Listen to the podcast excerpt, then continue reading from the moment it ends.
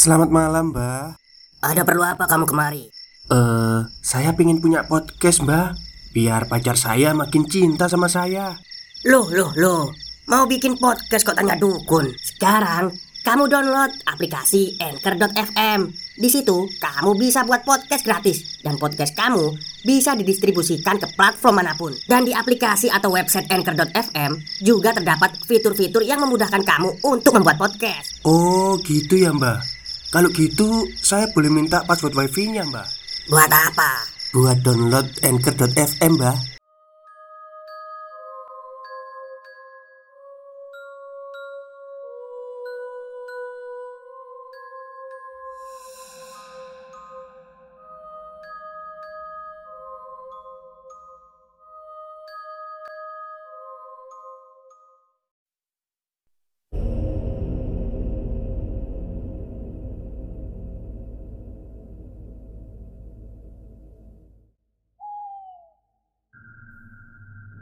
Assalamualaikum warahmatullahi wabarakatuh. Halo semuanya, jumpa lagi dengan saya Chow Sing Sing, kurator dari Podcast Horror Night Story. Halo, apa kabar semuanya? Semoga kalian semua sehat-sehat ya. Dan seperti biasanya, pada malam hari ini saya kembali dan akan menceritakan sebuah kisah mistis untuk kalian semua. Kisah mistis kali ini saya datangkan dari tweet Twitternya Payung Hitam yang menceritakan tentang seorang pemuda yang setelah masuk ke sebuah hutan dan hilang, dinyatakan hilang selama dua tahun, tiba-tiba kembali lagi dan dalam keadaan yang masih sedia kala, maksudnya itu masih sehat. Seperti apa kisahnya? Mari kita simak. Kisah ini bermula di sebuah kota kecil yang berada di dataran tinggi. Yang pasti, kota ini berada di luar Pulau Jawa, dan yang mengalami kisah ini sebut saja namanya Adit yang terjadinya sudah cukup lama, yaitu sekitar tahun 2004. Saat itu, Adit ini tinggal di kota kecil itu. Dia juga baru menikah dan baru punya satu anak. Adit dibesarkan di kota itu, tapi sebenarnya keluarganya hanyalah pendatang karena asal-usul keluarga Adit ini dari sebuah desa yang jaraknya sekitar 4 jam dari kota itu. Dan Adit juga lahir di desa itu. Kehidupan keluarga Adit di kota itu terbilang cukup sulit secara ekonomi.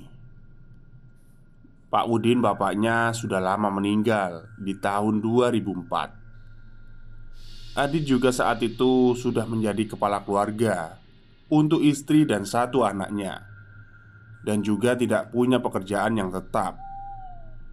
Dia cuma pekerja panggilan Misal Ada panggilan benerin genteng Parabola Bahkan gali sumur. Adit baru bekerja Dan dapat penghasilan. Itu juga biasanya panggilan yang cuma dari tetangga saja. Jadi Jika tidak ada panggilan Adit ya tidak bekerja. Status Adit saat ini dikatakan pengangguran. Sebenarnya aset harta semacam lahan, kebun, dan tanah Orang tuanya punya banyak aset itu Tapi berada di desa asalnya Adit selalu bingung kenapa orang tuanya lebih memilih ninggalin desa Dengan banyak aset milik keluarga mereka Dan lebih memilih tinggal di kota yang sulit mendapatkan pekerjaan Adit sudah beberapa kali minta izin ke ibunya kalau dia mau pindah ke desa asal keluarganya. Yang dipikirkan Adit daripada tinggal di kota dengan pekerjaan dan penghasilan yang tidak menentu, lebih baik tinggal di desa itu untuk bertani. Karena di sana banyak lahan kebun almarhum Pak Rudin yang bisa dimanfaatkan. Tapi ibunya selalu melarang Adit Bahkan sangat melarang Adit untuk menginjakan kaki kembali ke desa itu Oh iya, saat itu Adit ini belum pernah sekalipun ke desa itu di masa dewasanya. Adit bingung dan selalu banyak nanya. Tapi ibunya selalu menjawab kalau keluarganya ada masalah dengan warga desa di sana. Ibunya takut jika Adit ke sana, warga desa punya niatan jahat dengan dia. Entah itu diguna-guna atau santet. Adit pun selalu nanya, apa penyebab warga desa memusuhi keluarganya. Tapi Ibunya selalu menutupi hal itu dan hanya menganggap seolah-olah kalau Adit ini masih anak-anak yang belum pantas tahu soal itu. Karena sudah resah dengan kehidupan yang tidak menentu, akhirnya tanpa persetujuan ibunya, Adit membawa istri dan satu anaknya ke desa itu. Yang niat awalnya Adit ini mau mencari tahu di mana letak lahan kebun Pak Rudin dan Adit berencana mau menetap di desa itu dengan menjadi petani di lahan kebun milik keluarganya. Akhirnya, Adit sampai di desa itu, yang mana desanya memang benar-benar desa terpencil yang berada di kawasan dataran tinggi pegunungan. Desanya juga masih sangat sepi karena hanya ada sekitar 30 rumah yang semua masyarakatnya berprofesi sebagai petani kebun. Di desa itu juga belum ada sekolah dan belum meratanya akses jalan yang bisa diakses kendaraan. Kenapa bisa begitu? Karena menurut narasumber saya yang sedikit menceritakan sejarah desa itu, desa itu dulunya hanya perkebunan, bukan desa. Jadi karena petani pemilik kebun di wilayah itu harus memakan waktu seharian untuk menuju ke kebunnya Karena pada mulanya emang sama sekali tidak ada akses kendaraan Petani itu memilih tinggal sementara di rumah kebun Dan secara perlahan Makin rame Makin banyak petani yang membangun rumah kebun Yang lambat laun akhirnya Banyak dari mereka lebih memilih untuk tinggal dan menetap di sana, dan jadilah sebuah desa. Ya, begitulah sedikit cerita asal-usul sejarah desa itu yang diceritakan oleh narasumber saya. Soal Adit, akhirnya Adit pertama kalinya nyampe di desa itu. Semua masyarakat desa di sana ramah dan murah senyum jika melihat muka asing di desanya. Karena itu, Akhirnya Adit pun mudah untuk memulai interaksi Yang niatnya mau nanya-nanya Soal lahan kebun milik bapaknya Dan mencari kenalan Pak Rudin di desa itu Yang dipikirkan Adit Siapa tahu masyarakat bisa ngasih info Tapi Saat masyarakat tahu kalau Adit ini anak Pak Rudin Mereka yang tadinya ramah dan murah senyum tiba-tiba menjadi takut dan menghindar dari Adit. Bukan cuma satu, tapi beberapa masyarakat desa semua begitu. Di sini, Adit mulai mikir soal yang diceritakan ibunya. Kalau keluarganya ada masalah dengan warga, sepertinya benar-benar ada masalah yang serius tapi Adit belum nyoba cari tahu karena tujuan utamanya bukan untuk menyelesaikan masalah keluarganya. Akhirnya Adit ketemu dengan salah satu warga desa Namanya Pak Hajir Yang mengaku sebagai teman baik Pak Rudin dulu Akhirnya Adit dan istrinya dibawa ke rumah Pak Hajir Bahkan Pak Hajir mempersilahkan Adit untuk tinggal sementara di rumahnya Pak Hajir juga ternyata tahu di mana letak lahan kebun milik Pak Rudin. Dan niatnya besoknya Adit mau dibawa ke beberapa lahan kebun milik bapaknya itu.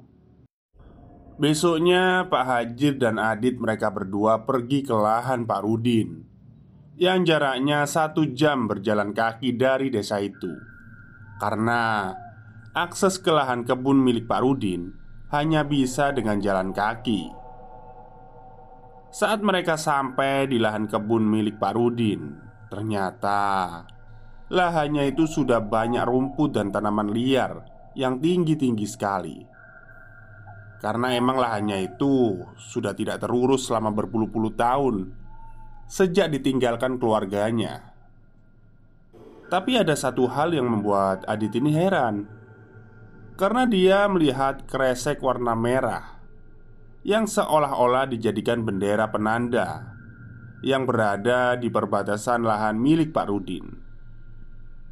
Ternyata Kresek warna merah itu emang sengaja dibuat warga Untuk sebagai penanda batas karena masyarakat desa nggak mau menginjakan kakinya di tanah milik Pak Rudin. Kesannya masyarakat desa seolah kayak takut gitu sama keluarganya. Dan akhirnya Adit ini nanya ke Pak Hajir Kenapa masyarakat desa begitu anti dan takut dengan keluarganya? Awalnya Pak Hajir gak mau cerita Dan cuma diam aja Mengalihkan ke pembahasan lain Setelah itu mereka pun lanjut lagi melihat lahan lainnya yang masih ada di sekitaran situ. Sambil jalan melihat-lihat, Pak Hajir menjelaskan kalau Pak Rudin dulunya orang terkaya di desa, punya banyak lahan kebun dan semuanya itu luas-luas. Bahkan, Pak Rudin sampai membangun musola di desa itu, dan ia hibahkan untuk masyarakat desa. Tapi saat itu keadaan musolanya sudah terbengkelai selama berpuluh-puluh tahun. Karena masyarakat di desa itu nggak mau beribadah ke musola itu. Adit pun makin penasaran kenapa begitu bencinya Masyarakat desa dengan keluarganya. Adit pun nanya untuk yang kedua kalinya dengan Pak Hajir. Tapi Pak Hajir hanya menjawab kalau itu hanya masa lalu Mungkin nanti masyarakat desa juga mulai terbiasa. Mereka pun sama-sama diam dan melanjutkan jalannya untuk melihat-lihat lahan lainnya milik Pak Rudin. Setelah mereka melihat-lihat semua lahan kebun milik Pak Rudin, ternyata semua lahannya diberi penanda oleh warga desa. Adit pun makin kepikiran soal itu, tapi Adit juga nggak begitu berusaha nyari tahu. Karena tujuan utama Dia hanya untuk mencari tahu di mana lahan milik bapaknya Dan mulai memanfaatkan lahan itu dengan bertani. Setelah itu mereka balik ke desa Dan besoknya Adit sendiri pergi ke lahan kebunnya. Karena kata Pak Hajir untuk sampai ke lahan kebunnya itu cukup hanya mengikuti jalan setapak saja. Biasanya masyarakat desa juga jalan kaki lewat situ. Karena itu, Adit juga percaya diri dan sama sekali nggak takut untuk jalan sendiri. Karena emang ada jalan setapak yang tinggal trekking saja selama kurang lebih sejam berjalan. Akhirnya Adit pun jalan dan sampailah di perkebunan miliknya. Sebenarnya Adit juga sudah mencoba mencari bantuan jasa warga di desa itu yang mau membantu dia untuk membuka lahannya. Tapi karena Adit ini nggak bisa bayar langsung, jadinya kesulitan mendapatkan bantuan. Ditambah lagi, namanya juga tercemar karena masa lalu keluarganya di desa itu yang membuat kebanyakan warga takut dengan apa pun yang berhubungan dengan keluarganya Adit ini. Soal itu nanti di akhir cerita aku jelaskan. Akhirnya Adit mulai berjalan ke lahan kebunnya yang melewati perkebunan warga. Semakin masuk ke wilayah perkebunan pohon-pohon besar, Adit mulai merasa aneh karena beda suasananya dengan yang dilewatinya dengan Pak Hajir.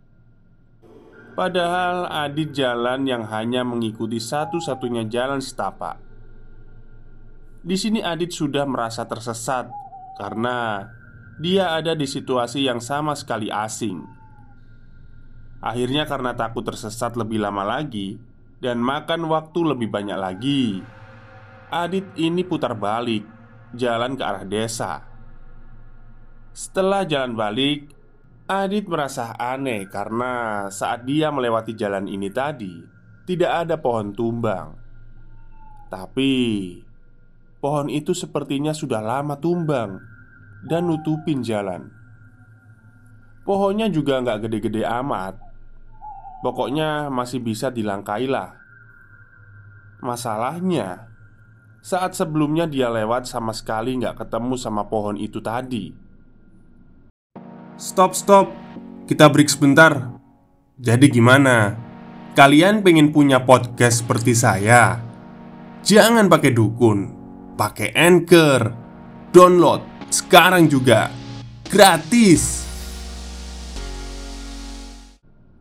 Karena Adit ini ingin putar balik Akhirnya melewati jalan yang beberapa menit yang lalu dia lewati Tapi situasinya sudah beda sekali Termasuk pohon itu Adit sudah merasa heran tapi nggak gitu takut Karena dia masih ada di jalan setapak Yang biasa dilalui oleh warga kalau mau ke kebunnya Yang artinya itu masih tempat yang bisa diakses oleh manusia.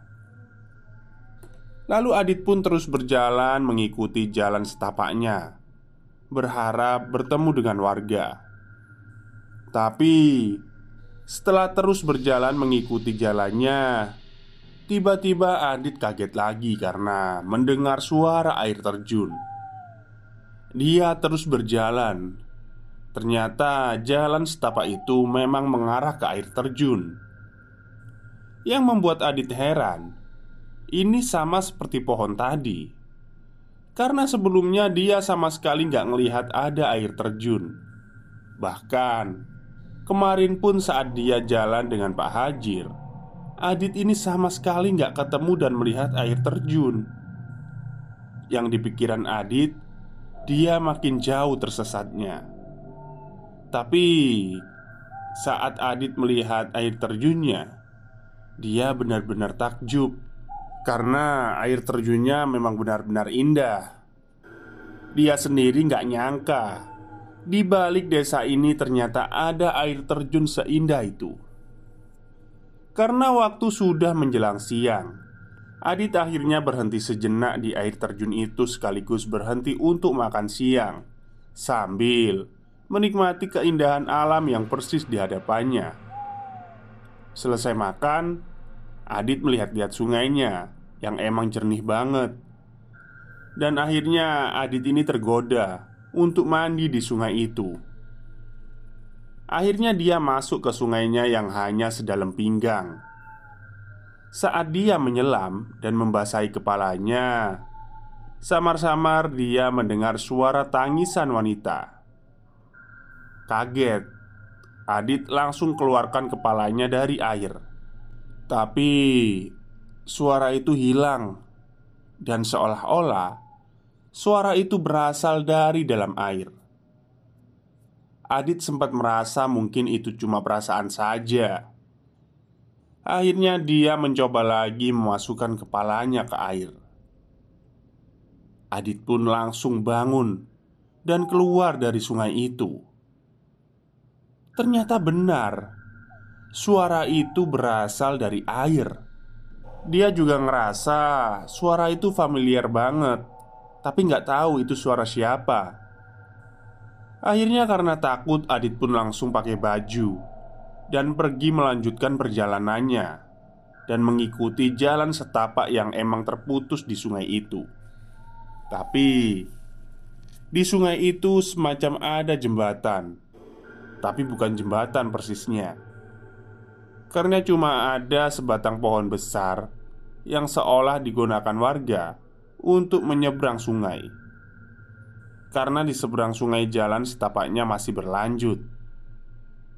Dia terus mengikuti jalannya lalu nggak lama kemudian Adit mulai tenang Karena melihat ada gumpalan asap Dia pun mencari sumber asap itu dan ternyata Asapnya bersumber dari satu gubuk. Di sana ada seorang bapak-bapak petani yang sedang duduk menghadap api.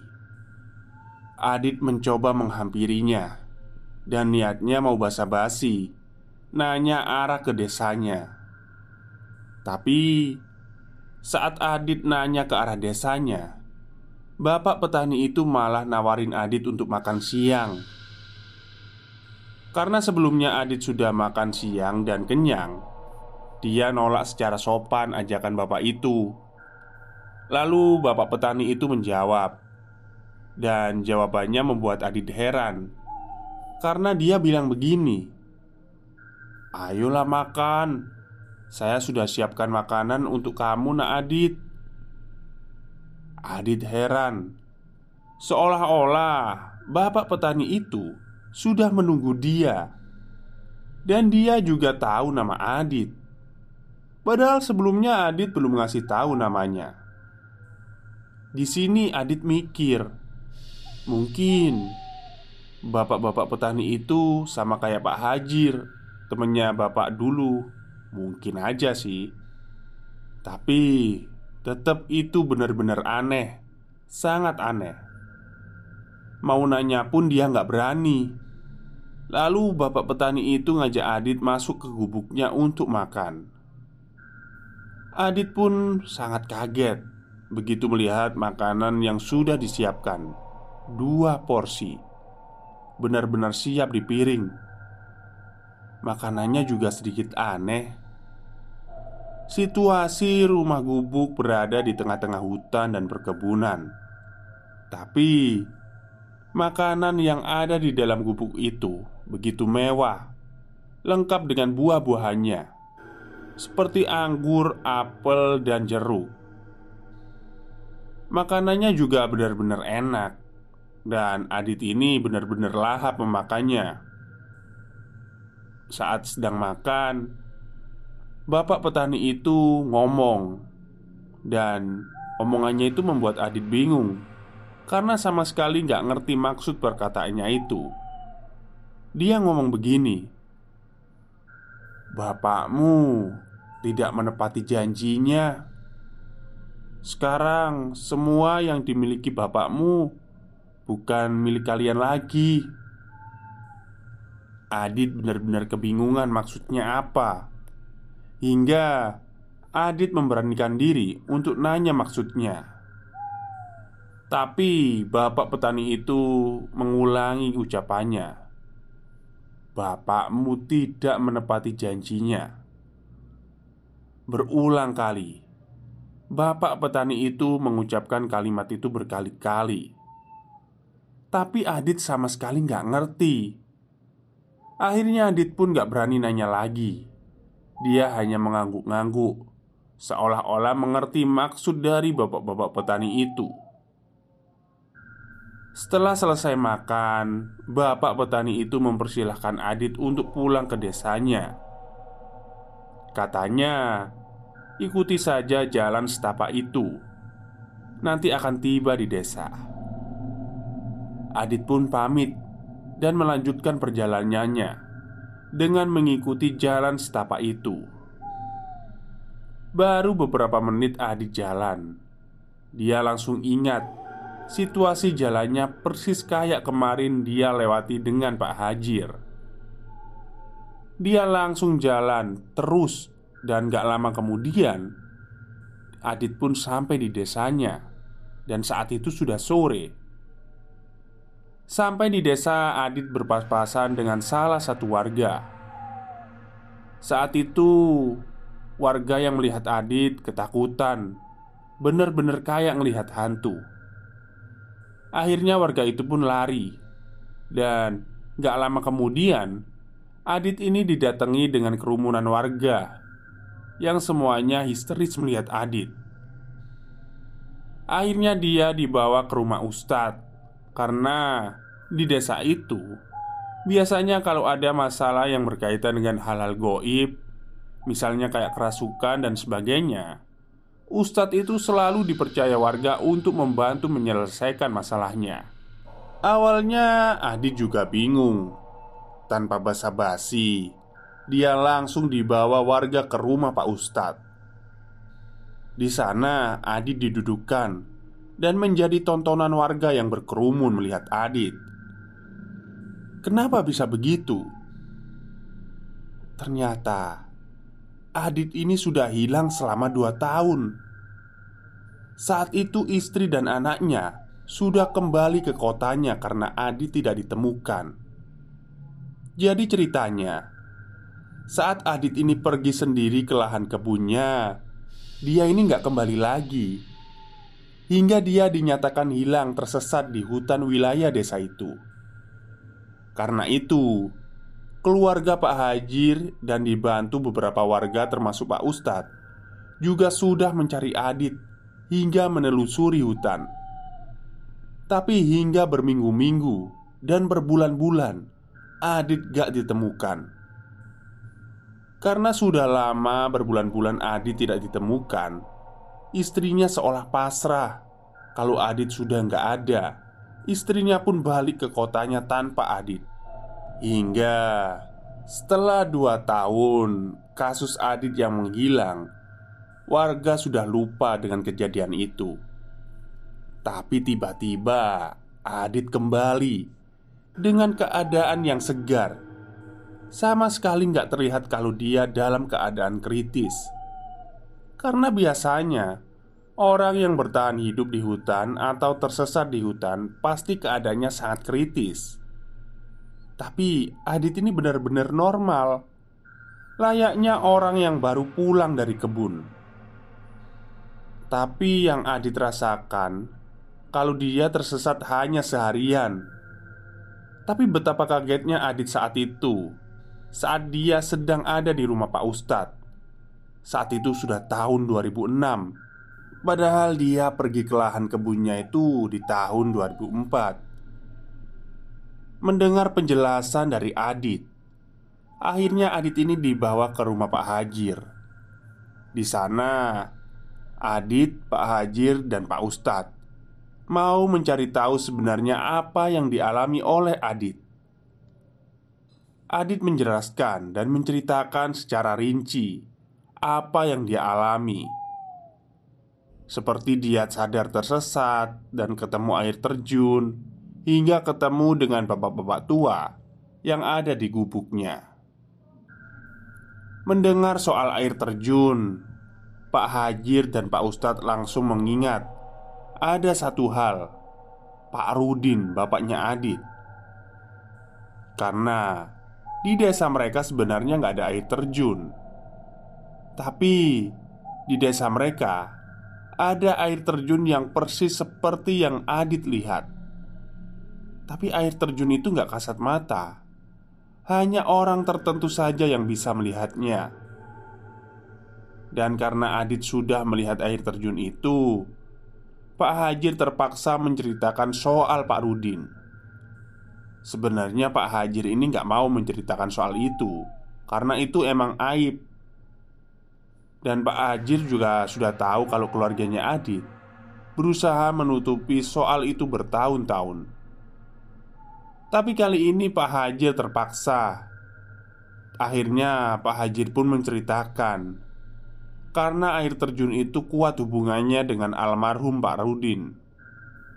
Dulunya, jauh sebelum Adit ada dan Pak Rudin masih menjadi warga desa itu Pak Rudin emang dikenal sebagai orang terkaya di desa.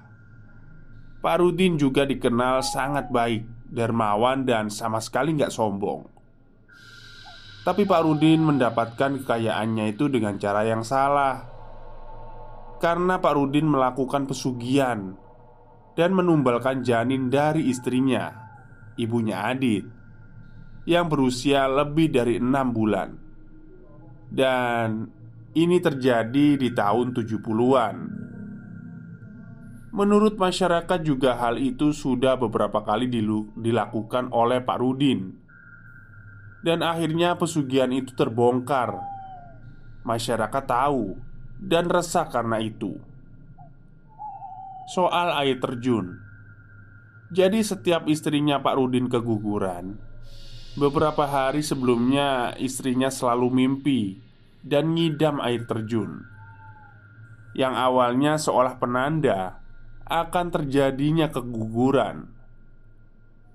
Dan sehari sebelum istrinya keguguran, Pak Rudin selalu pergi dan tidak berada di rumah. Tapi ada beberapa masyarakat desa yang bisa melihat ada aura lain yang berbentuk air terjun di wujudnya Pak Rudin. Masyarakat yang bisa melihat air terjun itu emang ada berada di hutan. Pak Rudin telah mempersembahkan janin bernyawa dari istrinya ke air terjun itu untuk mendapatkan apa yang dia inginkan. Hingga akhirnya semua warga tahu dan keluarga Pak Rudin pun disudutkan oleh banyak warga. Dan akhirnya Pak Rudin menghentikan persekutuannya dengan jin. Tapi menghentikan persekutuan itu nggak segampang itu.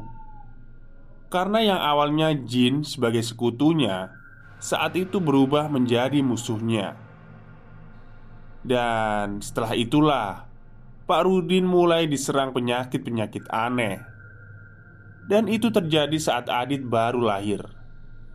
Karena itu, Pak Rudin pindah dan kabur dari desa itu ke sebuah kota di mana Adit ini dibesarkan. Hingga setelah lama menahan rasa sakit yang tidak pernah sembuh, dan menetap di kota. Akhirnya, Pak Rudin meninggal karena penyakit itu. Penyakitnya tidak pernah terdeteksi oleh medis. Di sini Adit akhirnya mengerti kenapa ibunya selalu merahasiakan soal itu dan kenapa ibunya juga selalu melarang Adit untuk menginjakan kaki kembali di desa itu. Dan kenapa keluarganya lebih memilih hidup miskin di kota, sedangkan di desa keluarganya memiliki banyak aset. Dan satu hal lagi, soal pertemuan Adi dengan bapak-bapak petani itu, yang mana bapak petani itu berkali-kali mengatakan, "Bapakmu tidak menepati janjinya." Sekarang yang dimiliki bapakmu bukanlah lagi milik kalian. Akhirnya Adit ngerti maksud dari bapak-bapak tua itu Yang diyakini itu bukan manusia Tapi sebangsa jin. Yang mungkin jin tempat almarhum Pak Rudin melakukan pesugihan Dan diyakini juga Jin itulah yang membuat Adit tersesat Yang ternyata Dia sudah menghilang selama dua tahun Ya, benar-benar suatu kejadian yang aneh dan mengerikan apa yang dialami Adit, terutama saat dia mengetahui apa yang sebenarnya terjadi. Tamat. Oke, itulah akhir cerita dari tweet Twitternya Payung Hitam. Jadi benar-benar ada ya Tersesat di alam lain selama 2 tahun apa mungkin bisa saja ya? Pernah nggak melihat artikel atau uh, YouTube itu ada sebuah pesawat yang lepas landas sekitar tahun berapa gitu 70 tahun apa eh tahun 70-an atau gimana gitu Pokoknya setelah berpuluh-puluh tahun Pesawat itu dinyatakan hilang dan kembali lagi Dan keadaan dari para uh, apa itu namanya penumpangnya itu ya baik-baik saja nggak ada apa-apa. Jadi memang kayaknya ada ya dimensi lain gitu. Kalau ini sih berhubungan dengan gaib ya. Oke, mungkin itu saja yang bisa saya sampaikan pada malam hari ini. Kurang lebihnya saya mohon maaf. Semoga kalian suka. Selamat malam dan selamat beristirahat.